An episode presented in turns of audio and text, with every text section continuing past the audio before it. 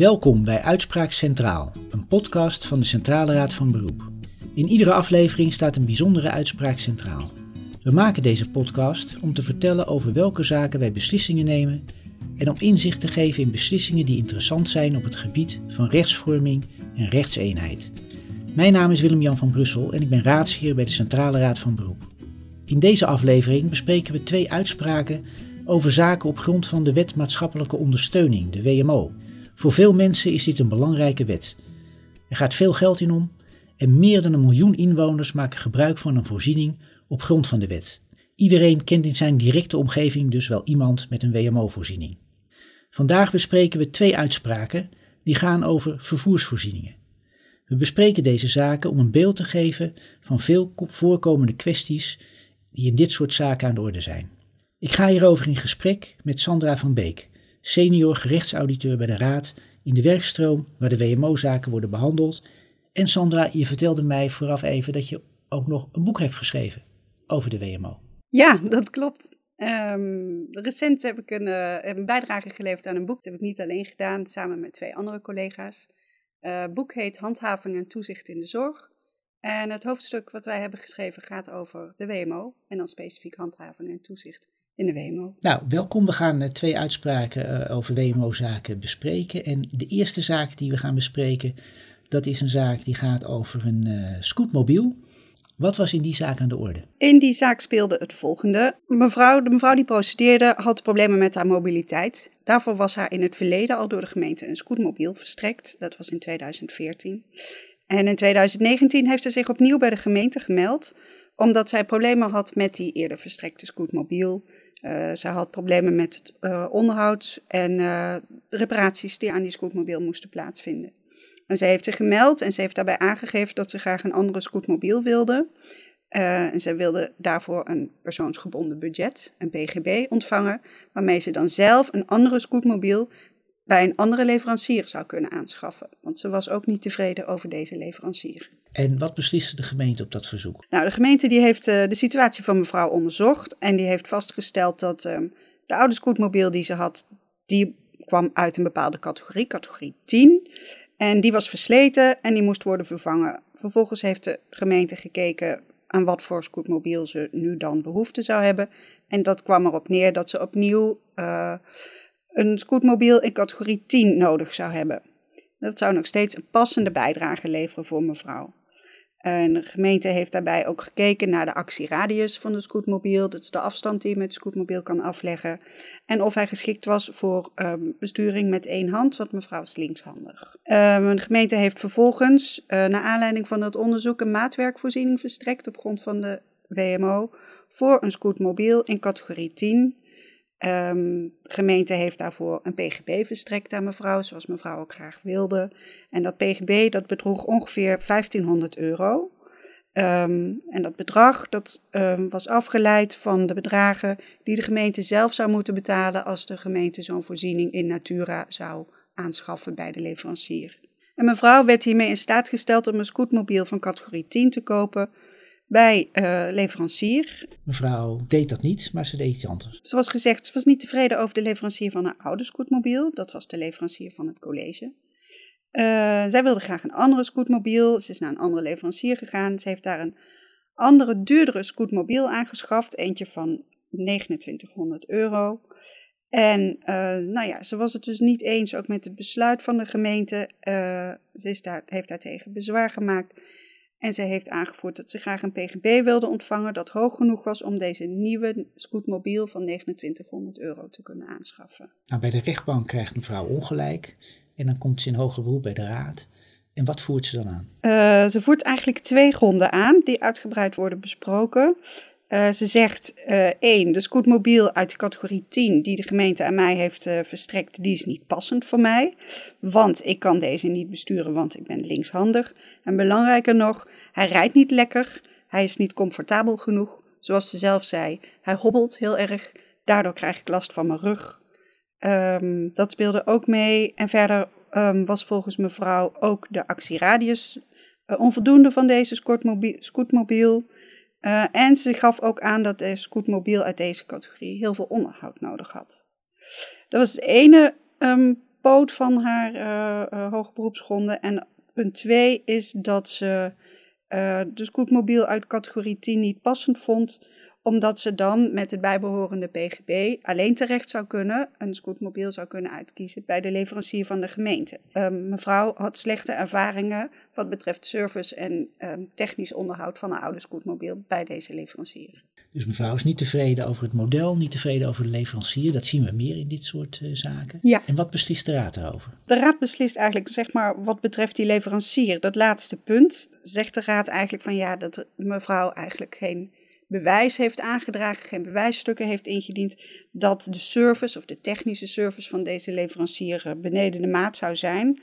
Um, gemeente had ook gezegd, nou goh, ga dan in gesprek met deze leverancier, kijken hoe de uh, service verbeterd zou kunnen worden. Maar mevrouw heeft, is daar ook niet op ingegaan. De Centrale Raad zegt dat de, wel heel vervelend is dat mevrouw eerder negatieve ervaringen heeft gehad uh, met deze leverancier. Maar ja, het betekent uiteindelijk niet dat een volgende scootmobiel die ze bij deze leverancier betrekt ook weer um, uh, onderhoudsgevoelig zal zijn. Dus die wijst dit af. En wat betreft de, de geschiktheid of de passendheid van die scootmobiel vanwege uh, actieradius en dat hij niet comfortabel genoeg is. Dan gaat de raad kijken naar de gegevens van de fabrikant van deze scootmobiel. Die zijn, uh, zitten bij de processtukken. En dan blijkt dat, daar, uh, dat deze scootmobiel een actieradius heeft van tussen de 30 en de 40 kilometer. En dat is genoeg, dat is voldoende voor de vervoersbehoeften die mevrouw heeft. Ook blijkt eruit dat deze scootmobiel juist met één hand kan worden bediend en dat hij ook geschikt is voor iemand die linkshandig is, zoals mevrouw. Er wordt verder gekeken naar de vering van de verstrekte scootmobiel, omdat mevrouw had gezegd dat hij hobbelt en dat zij daardoor eh, rugklachten zou krijgen. Nou, dat was eigenlijk ook voor het eerst dat mevrouw dat aangaf, dat ze rugklachten daarvoor kreeg. Ze heeft daar verder eigenlijk geen bewijs van geleverd, geen stukken, geen medische stukken of wat dan ook. Uh, en de raad zegt daarover dat daarom niet aannemelijk is dat ze eigenlijk op een andere uh, categorie scootmobiel zou zijn aangewezen. Dus de conclusie is, mevrouw moet het doen met het PGB van de gemeente. Ja. Voor uh, wat goed genoeg is voor een scootmobiel bij de leverancier bij de gemeente. Ja, inderdaad. Ze moeten doen met dit PGB. Uh, het staat daar vrij om uh, een, bij een andere leverancier een andere scootmobiel aan te schaffen. Maar de meerkosten die dat met zich meebrengt, die zal ze zelf moeten dragen. Die komen voor haar eigen rekening. voor we naar de tweede uitspraak gaan, eerst wat uitleg vooraf. Bij vervoersvoorzieningen denken we natuurlijk aan uh, rolstoelen, al dan niet elektrisch, uh, scootmobiel, waar we het net over gehad hebben, of misschien zelfs een aangepaste auto. Maar er is ook collectief openbaar vervoer. Hoe is dat geregeld, Sandra? Uh, het wordt ook wel aanvullend openbaar vervoer genoemd. Het is vervoer voor mensen die niet zelfstandig met het gewone openbaar vervoer kunnen reizen. Uh, omdat ze beperkingen hebben in hun mobiliteit. Het is een vorm van collectief vervoer. Um, het is bedoeld voor sociaal en recreatieve doeleinden. Um, betekent dat dit, uh, dit collectieve vervoer je thuis ophaalt en brengt naar de plaats waar je naartoe wil. En je daar ook weer ophaalt en je weer thuis brengt. Um, het is bijvoorbeeld bedoeld om te gaan winkelen of om te gaan sporten, bij mensen op bezoek te gaan. Um, over het algemeen reis je uh, met andere mensen samen. En het is belangrijk omdat mensen op deze manier uh, kunnen blijven deelnemen aan de maatschappij. Ja. En mensen kunnen blijven ontmoeten. En met andere mensen samenrijden, dat betekent nog wel eens omrijden. En dat betekent ook nog wel eens even wachten. Inderdaad, ja. Dan moet je even wachten voordat je wordt opgehaald. Nou, gewapend met deze achtergrondkennis gaan we naar de tweede uitspraak over een bruikleenauto. Wat was er in deze zaak aan de hand? Uh, de zaak ging over een meneer die een uh, spieraandoening had. De, hij kon zijn armen en zijn benen niet goed gebruiken. Zijn mobiliteit was hierdoor ook fors beperkt. Hij had daarvoor al een scootmobiel die hij kon gebruiken. En hij had ook een elektrische rolstoel die hij uh, gebruikte. Hij heeft zich op enig moment gemeld bij de gemeente. Hij had namelijk ook een eigen auto waarmee hij uh, rondreed. Maar hij heeft aangegeven bij de gemeente dat hij graag een aangepaste auto in bruikleen wilde krijgen. Want in zijn eigen auto kon hij ook zijn rolstoel meenemen. Ja. ja en dat wilde hij nu graag van de gemeente. Inderdaad. Hoe ziet, ziet zo'n onderzoek er door de gemeente dan uit? Wat gaat de gemeente onderzoeken? Ja, na zo'n melding gaat de gemeente een onderzoek starten. Uh, in dit geval heeft er een arts gekeken naar de situatie van meneer. En die arts die heeft vastgesteld van, ja, dat deze meneer niet in staat was om met het gewone openbaar vervoer te reizen, gezien zijn ernstige beperkingen in zijn mobiliteit. Hij stelde vast dus dat meneer nu gebruik maakt van een eigen auto, aangevuld met de, de rolstoel die hij dan meeneemt. Maar die arts zei ook van ja, eigenlijk is er niet per se een medische noodzaak die maakt dat meneer alleen maar met de eigen auto zou kunnen reizen. En de arts stelde vervolgens vast dat er uh, geen belemmeringen waren voor het gebruik van het aanvullend openbaar vervoer. Het AOV. De arts achter meneer dus in staat om daarvan gebruik te kunnen maken. En de gemeente besliste dan ook dat er geen bruikleenauto werd verstrekt? Inderdaad, de gemeente heeft de, de bruikleenauto de aanvraag daarom afgewezen. Heeft verwezen naar dat onderzoek wat door die arts is uitgevoerd. En gezegd dat Appeland gebruik kan maken van het aanvullend openbaar vervoer. Samen met zijn scootmobiel en zijn elektrische rolstoel. Want uh, volgens de regels van de gemeente is het zo dat als je het aanvullend openbaar vervoer kunt gebruiken, dat je niet in aanmerking komt voor een bruikleenauto. Nou, meneer gaat naar de rechtbank, dan krijgt hij ongelijk en dan komt hij in hoger beroep bij de raad. En dan richt hij zijn pijlen op het aanvullend openbaar vervoer. Ja. Wat voert hij aan? Hij vindt dit aanvullend openbaar vervoer eigenlijk niet geschikt voor hem. Hij zegt dat hij geen gebruik kan maken van het AOV, uh, omdat hij niet met zijn scootmobiel in het busje, wat jou vervoert, kan blijven zitten en wordt toegelaten tot dat busje. Dat was de ene kant. De andere kant zegt hij ook van ja, dat AOV dat is ook geen geschikte, geen adequate vervoersvoorziening. Want er zijn hele lange wachttijden. Ook de reistijden zijn heel erg lang. Er wordt nog wel eens omgereden. Daarom is het niet geschikt voor mij. En vooral ook dit laatste, dat zien we vaker in dit soort zaken. Ja, dit zijn uh, punten die vaker benoemd worden. En wat besliste de raad hierover? De raad die besliste als volgt. Uh, meneer had een uh, aantal voorbeelden gegeven ook over wat hij had meegemaakt bij, als hij gebruik maakte van het AOV in relatie tot zijn, het kunnen blijven gebruiken van die scootmobiel ook in dat AOV. En de raad zegt daarover dat uit die voorbeelden niet blijkt dat hij structureel geweigerd wordt om de scootmobiel mee te nemen in het AOV. Dat wisselde kennelijk. Het college zegt daar ook over, over het gebruik van de scootmobiel in het AOV.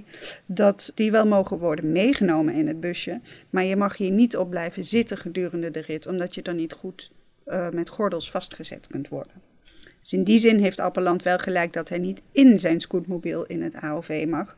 Maar hij kan wel gebruik maken van zijn elektrische rolstoel in het AOV omdat hij daarin wel kan blijven zitten en daarin wel voldoende gezekerd uh, kan zijn tijdens de rit. Over de, uh, de klachten over de wachttijden en de lange reistijden.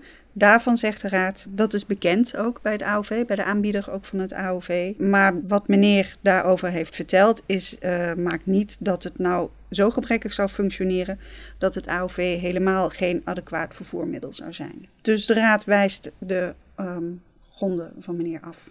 En de conclusie is dat uh, meneer met het AOV kan reizen.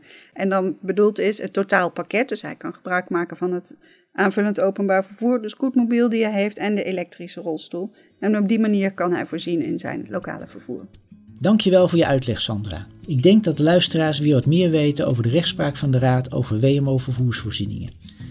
De nummers van de uitspraken staan in de omschrijving van de podcast. Dit was Uitspraak Centraal voor deze maand. Over twee maanden een nieuwe aflevering met een nieuwe gast en een nieuwe uitspraak. De productie van de podcast wordt verzorgd door Mariska van der Veen en de muziek is van Bert Weijers.